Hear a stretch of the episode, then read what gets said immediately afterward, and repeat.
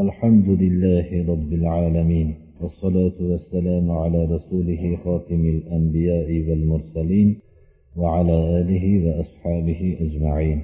أما بعد السلام عليكم ورحمة الله. قال الله تعالى ولا تقف ما ليس لك به علم.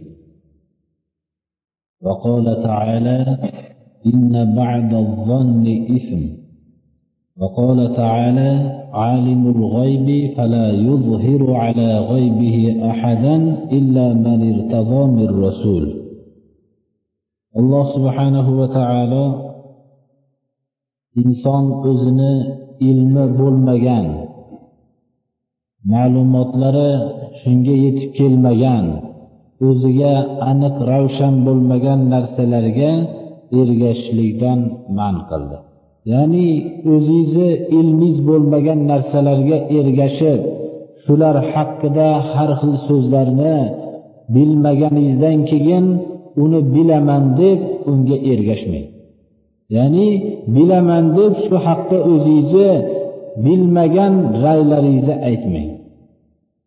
Va shu bilan birga gumoniy suratda ba'zi fatvolarni berishlikdan man qilinganligi shu oyatni ham dalil qilinadiki gumonlarning ba'zisi ya'ni noto'g'ri gumonlar gunoh. Va insonga g'ayb ilmlari haqida hech qanday ma'lumot berilmaganligini alloh subhanahu va taolo g'aybiga hech kimni o'zini g'ayb ilmlariga birovni ko'rsatmasligini magar o'zi tanlagan ixtiyor qilgan payg'ambarlar bundan mustasno ekanligini bayon qilib mana bu oyatda g'aybni biluvchi zot olloh o'zini g'aybiga hech kimni ko'rsatmaydi. Magar o'zi ixtiyor qilgan rasul payg'ambarlarnigina tanlagan bo'lsa g'aybning ba'zi qismlarini ularga mo'jizatan bildirib qo'yadi.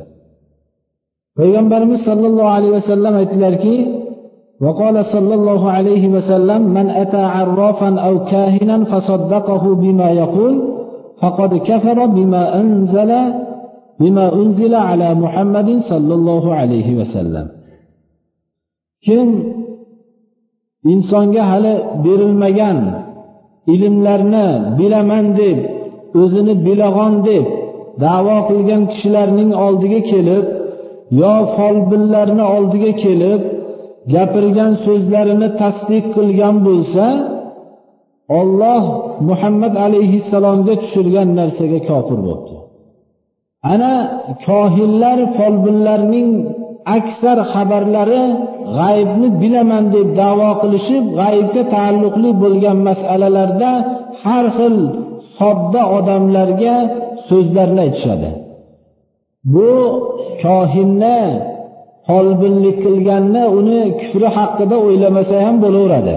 Lekin uni oldiga borib tasdiqlagan odamni hadis sharifda aytilyaptiki muhammad sollallohu alayhi vasallamga tushirilgan shariat ya'ni qur'oni karimga kofir bo'lib shu odam deyapti. Abu hurayra roziyallohu anhudan rivoyat qilinadiki payg'ambarimiz sollallohu alayhi vasallamdan rivoyat qilinadi. وقال صلى الله عليه وسلم صبيحة ليلة مطيرة يقول الله تعالى أصبح من عبادي مؤمن وكافر. فمن قال مطرنا بفضل الله فذلك مؤمن بي وكافر بالكوكب.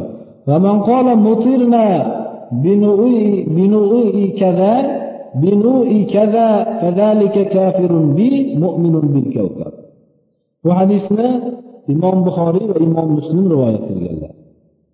Payg'ambarimiz sollallohu alayhi vasallam yomg'irli kechada aytdilarki yomg'ir yoqqan kechaning tongida aytdilarki alloh taolo aytadi meni bandalarimni ichida ba'zilari mo'min bo'lib tong ottirdi ba'zilari kofir bo'lib tong ottirdi kim ollohni fazli bilan yomg'irlandik. Deb aytishgan bo'lsa bu menga iymon keltirgan kishilar.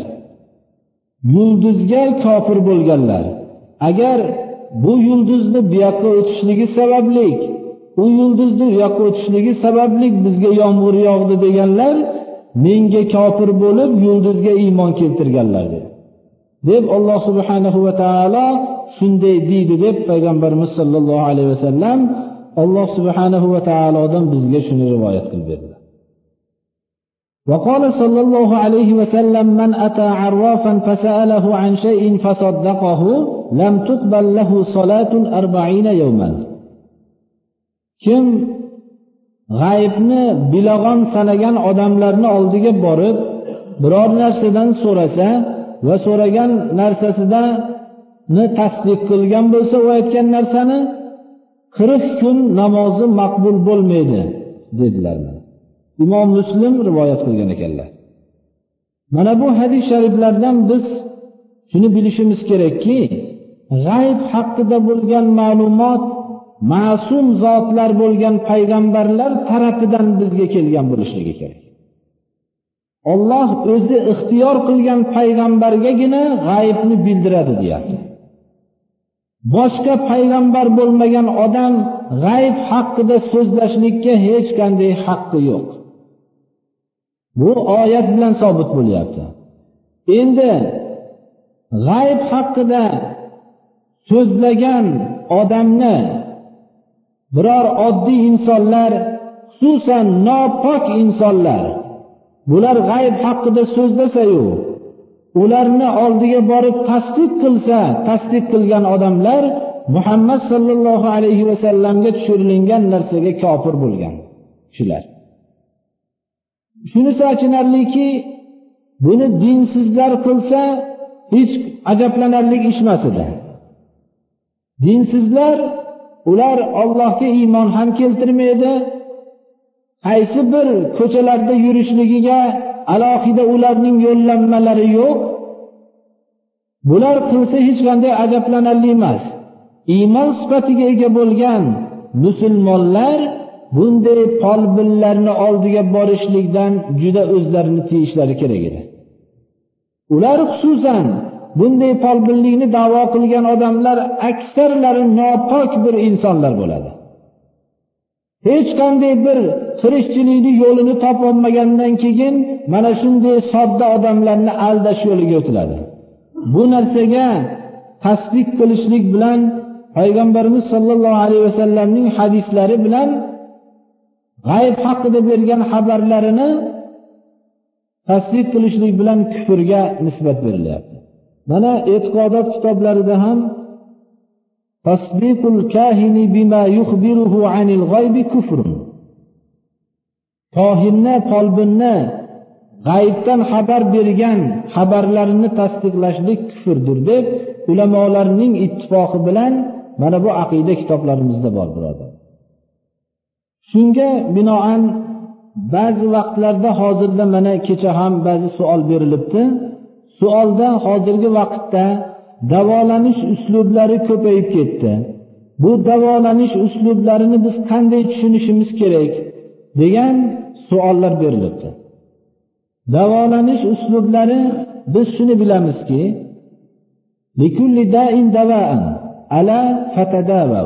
har bir kasallikning dorisi bor.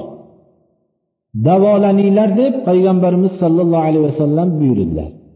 Lekin davolanish g'ayibdan xabar beradigan kishilar vositasi bilan davolanish mumkin emas. G'ayibdan xabar bergan kishilar bilan mabodo go'yoki yaxshi bo'lib ketgan bo'ldi degan deylik biz baribir uni noto'g'ri deymiz. Alloh subhanahu va taolo bizni faqat shu kasalimizni yo'qotganligiga yaratgani yo'q. Biz hayotdagi ketayotgan yo'limizda manhaj ollohning ko'rsatmasidan tashqariga chiqmasligimiz kerak. Agarchi kasallikda qolib ketsak ham. Shuning uchun g'ayibdan xabar beradigan hozirgi vaqtdagi davolovchi kishilarning oldiga borishlik mutlaqo noto'g'ri. Biz uni hech qanday to'g'ri demaymiz. Lekin agar g'ayibdan xabar bermaslik sharti bilan ba'zi davolari bo'lsa u davolardan masalan kasallikka o'ziga xos bir dorini olloh yaratgan shu doriga to'g'ri kelib qolsa shifolanadi. Biz shu yerini bilamizki g'aybdan bo'layotgan xabarlarni har qanday to'g'ri chiqqan bo'lsa ham biz uni noto'g'ri deymiz shuni tasdiqlashlikni kufr deb bilamiz. Chunki payg'ambar sollallohu alayhi vasallamlardan boshqa kishilarga olloh g'ayb ilmini bermagan. Mana shu narsani bilishligimiz kerak. Shuning uchun biz uni tekshirib bilishimiz kerakki mana ba'zi davolashlikda bir qo'li vositasi bilan ma'lum bir issiqlik o'tkazib davolanyapti. Bularda hech qanday g'aybga aloqasi yo'q bu narsani lekin kelajak haqida xabar berib bunday narsalarni hali bo'lmagan narsalar haqida xabar berishliklari haqida biz agarchi to'g'ri chiqqan bo'lsa ham biz uni to'g'ri demaymiz. Biz bunda aldanib qolmasligimiz kerak qo'ldan issiqlik o'tkazib davolash bu narsalarni biz g'aybni haqida xabar bermaslik sharti bilan buni noto'g'ri demaymiz. Davoni har xil suratlari bor shu davo dori to'g'ri kelib qolsa kasallikka davolanaveradi. Alloh subhanahu va taolo hammamizni islomiy axloqlarga muttasif qilsin mana bunday xalqimizni ko'p folbinlarni oldiga borib ularni so'zlarini tasdiqlab yurishlikdan olloh o'zi saqlasin. O'tgan vaqtda qilingan bo'lgan bo'lsa alloh taolo gunohlarimizni kechirsin. Buni buyog'ida islomga muvofiq islomiy axloqlar bilan yashashlikka alloh taolo hammamizni nasib qilsin.